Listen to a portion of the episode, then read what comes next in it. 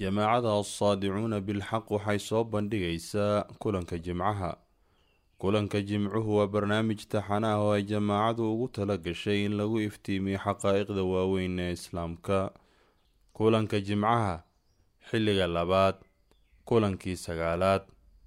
Bismillahi raxmaan raxiim alxamdu lilaahi rabi alcaalamiin walcaaqibat lilmuttaqiin walaa cudwaana ila cala aldaalimiin الظالمين وصلى اللهم على محمد وعلى آله وصحبه وسلم أجمعين أما بعد السلام عليكم ورحمة الله وبركاته kusoo dhowaada daawadayaal waa mar kale iyo barnaamijkeenii kulanka jimcaha weli waxaan ku guda jirnaa caddaynta iyo dul istaagga xaqiiqada ay ku sugan yihiin ummadaha maanta caalamul islaamiga ku nool arintaasoon u aragna in la fahmaa inay aada iyo aada muhiim u tahay waxaan ka soo hadalnay oo aan tilmaannay in ummaddan qalloocu tartiib tartiib ugu bilowday mar kasta oo ay sii fogaataba waqtigii nabiga calayhi salaatu wassalaam iyo ku toosnaantii kitaabka ilaah iyo sunnada nabiga calayhi salaatu wassalaam. Haddaba waxaan rabnaa caawa inaan tilmaanno oo aan si fiican u caddayno. Qalloocii dhici jiray ee ummaddan bilowgeedii wakhtiyo dhexe ku bilowday iyo midka maanta taagan farqiga u dhexeeya inaan suurayno oo aan dadka u tilmaanno ayaan doonaynaa. Waxaa igala qeybgalahay xalaqada doctor cabdullaahi sheekh doon cabdi doctor cismaan cabdulla rooble ustaadi sheekh maxamed cali mire doctor cabdiraxmaan daahir aweys soo dhowaada. Barnaamijka waxaa noo daahfurahaya ustaadi sheekh maxamed cali mire. Fadal ustaad. Bismillahi raxmaan raxiim runtii waxaan shaki lahayn in waqtigii nabiga salawaatu ullahi wasalaamu caleyh iyo ka bacdi alkhulafaa araashidiin radia allahu canhum jamiican sidii ay ku socdeen oo casrigii dahabiga ahaa ahaa runtii dadkii ka dambeeyey in xoogaa ay yani yimaadeen hoosu dhac heerkaas hore xoogaa ka sokeeya oo runtii ka galayna dhanka xoogaa dhaqanka iyo macaabsi iyo dunuub yaryar oo ka dhici jirtay. Taas waxaa runtii yani barbar socday in cadowgoodiina uu isu bahaystay hadday yihiin kiristaankii oo runtii cadaawaddaasna ay socotay ilaa laba boqol oo sano. Sidoo kale tataarkii ayaa isagana muslimiinta soo maray oo dhibaato badan u geystay. Intaas oo dhan iyadoo ay dhacaysay haddana runtii dadkii waxaa ka dhacayay saan sheegayba macnaha dunuub iyo macaabsi iyo yani tawakulkii hadda sidii sax ahaa aan loo qaadan asbaabtii la rabay in la yimaado waxyaalahaasoo dhan iyadoo ay dhacayeen. Haddana dadkii muslimiinta ahaa oo wakhtiyadaas soo maray runtii caqiidadoodii marna kama gelin shaki iyo hoosu dhac toonna mana la isweydiin jirin marka in ilaahay kitaabkiisa subxaana wa tacaala uu nolosha maamulo oo ay ku hogaansamaan oo asaga ay raacaan. Ma ahayn wax ay laba qof isku diido ama ay ka muranto ama la yidhaahdo wax aan ka yani waxaas wax ka duwan aan keensanno. Haba yaraatee wakhtigaas ma jirin maarata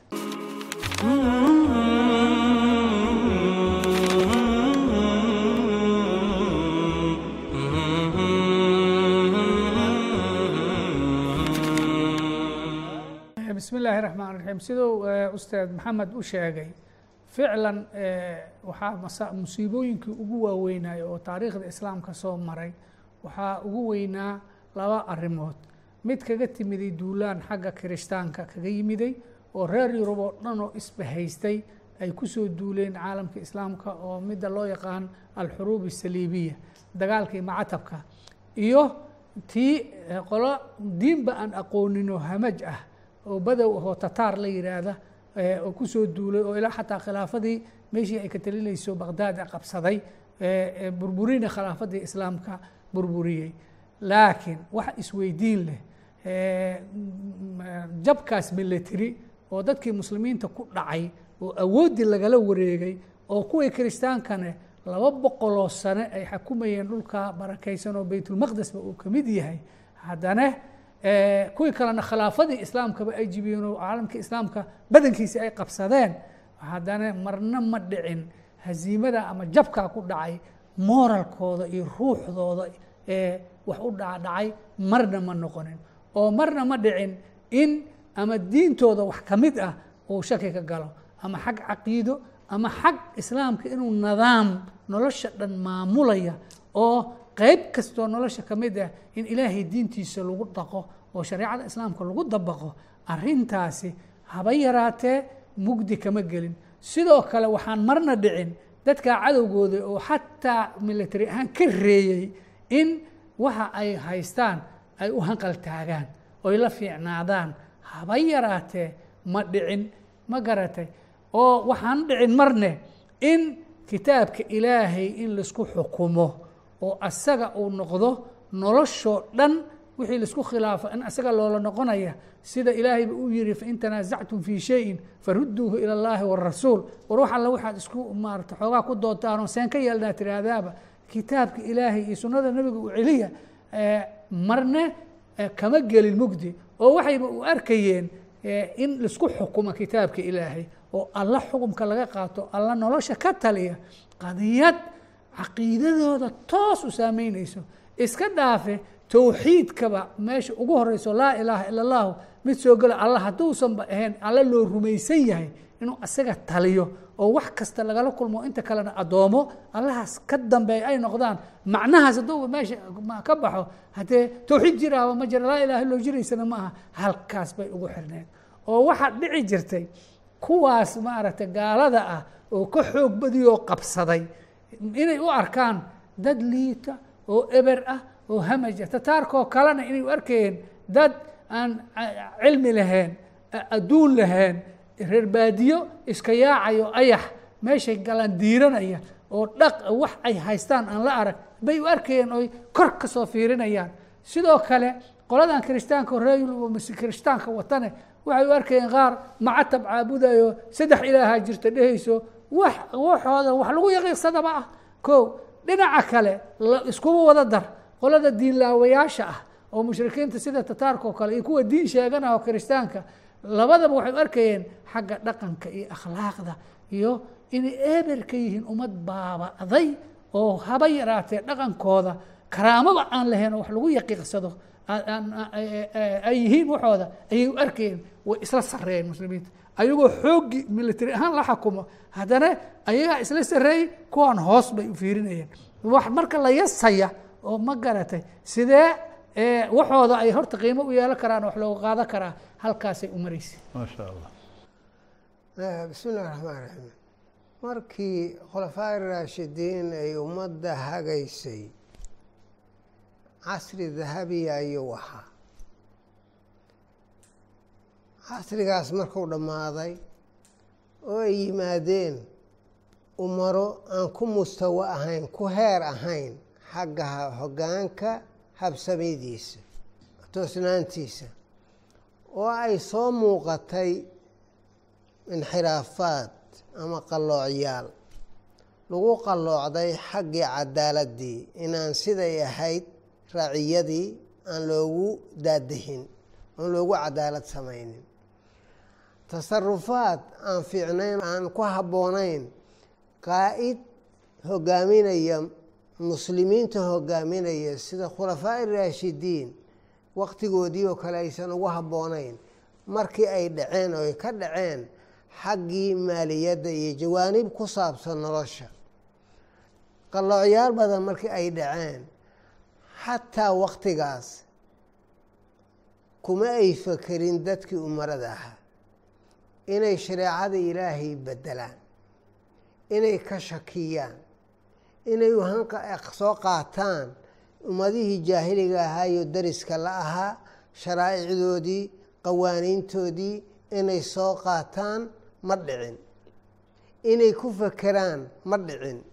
Inay u noqdaan sawaaliftii iyo waxyaalihii dhaqamadii baadiyaha ay ku dhaqmi jireen qabla alislaam oo xeerarkii qabaa-ishooda ay ku noolaayeen ama isku maamulayeen inay u noqdaanna ma dhicin mana ku fakerin taas marka waxaa weeye waxay si toosa u beenineen dad yow fara badanoo maanta leh akhdaadan oo kale way ka dhici jirtay ummadihii hore. Kuwaanu waxa weeye waa umaro oo maaragtay jaa-iriin ah waktigaasba waxaas waa dhici jireen macaasi waa dhici jirtay cadaalad darra waa dhici jirtay dhaqan xumo waa dhici jirtay amwaasha oo lagu tasarufo waa dhici jirtay waxaasoo dhan waa dhici jireen. Sidaas darteeda dadkii uga dhigaya inay joogaan waktigii khulafaa raashidiin bacda yani ka dambeeyey oo khulafaa ulamawiyiin iyo cabaasiyiin taariikhda islaamka khulafadii soo martay ay ku matelayaan inay tahay waxa maanta jooga ayay si toose u beenine. Waa yacni shareecada ilaahay kitaabka ilaahay ayuu ahaa waxa miiska u saarnaa waxa nolosha lagu hagayey. Sidii ustaad cismaan uga soo hadlana waxay u arkayeen caqiidadooda inay ka mid tahay noloshan yaa hagaya. Alla hagaya inay caqiidadooda hadduu yani muqtadaa iimaanihim ayay u arkayeen. Taas marka waxaa weeye waa qadiyad musallam ah oo macruuf ah oo ummad dhan ay ninkii taariikhda islaamka garanaya muslimiinta garanaya oo aada u garanayo.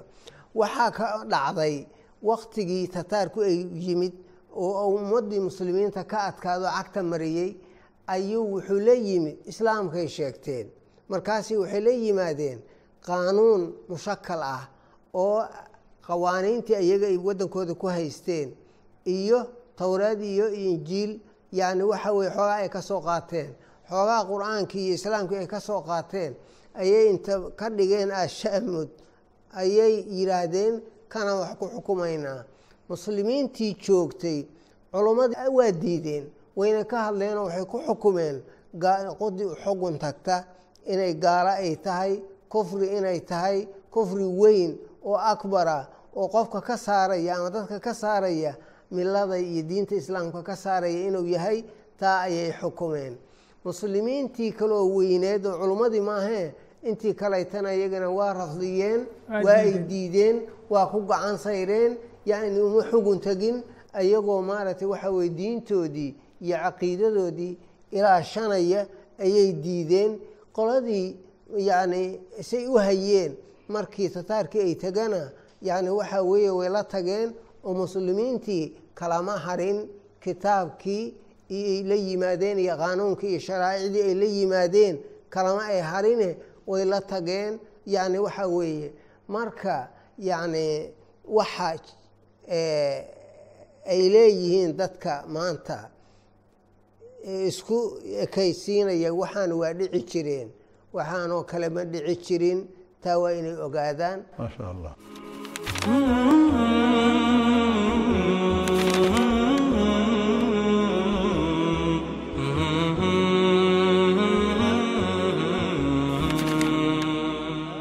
barak allah eh, bismi illahi raxmaan raxiim eh, sida la sheegay horta qalooca bini aadamka ku yimaada hal maalin sooma dego. Wuxuu u yimaadaa tartiib tartiib maalinba qolofa fuqa maalinba meelbaa maaratay wax ka halaabaan. Markii eh, xuruubu saliibiya ay dhacday sidii loo soo sheegay dadka muslimiinta ciidan ahaan xataa haddii loo jebiyey ruux ahaan lama jebin mabda ahaan looma jebin diintoodii siday ugu dhaarsanaayeen cadowgoodana cuddaday u diyaarsanayeen awoodooday diyaarsanayeen laakiin xuruubu saliibiya alakhiira markii ay dhacday isbeddel weyn baa yimid. Isbedel weyn ayaa ku yimid dadkii muslimiinta ahaa oo waxaa ku dhacay wax la yidhaahda jab oo ruuxiha ku dhacay.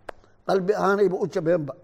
Macnaha hiqa daro iyo kalsooni xumo xaggii diintoodii uga dhacday iyo inay diintii ilaahay oo awoodda dadkan siisayba ay tahay waxyaabahaasoo dhan jab iyo hazima uga dhacday.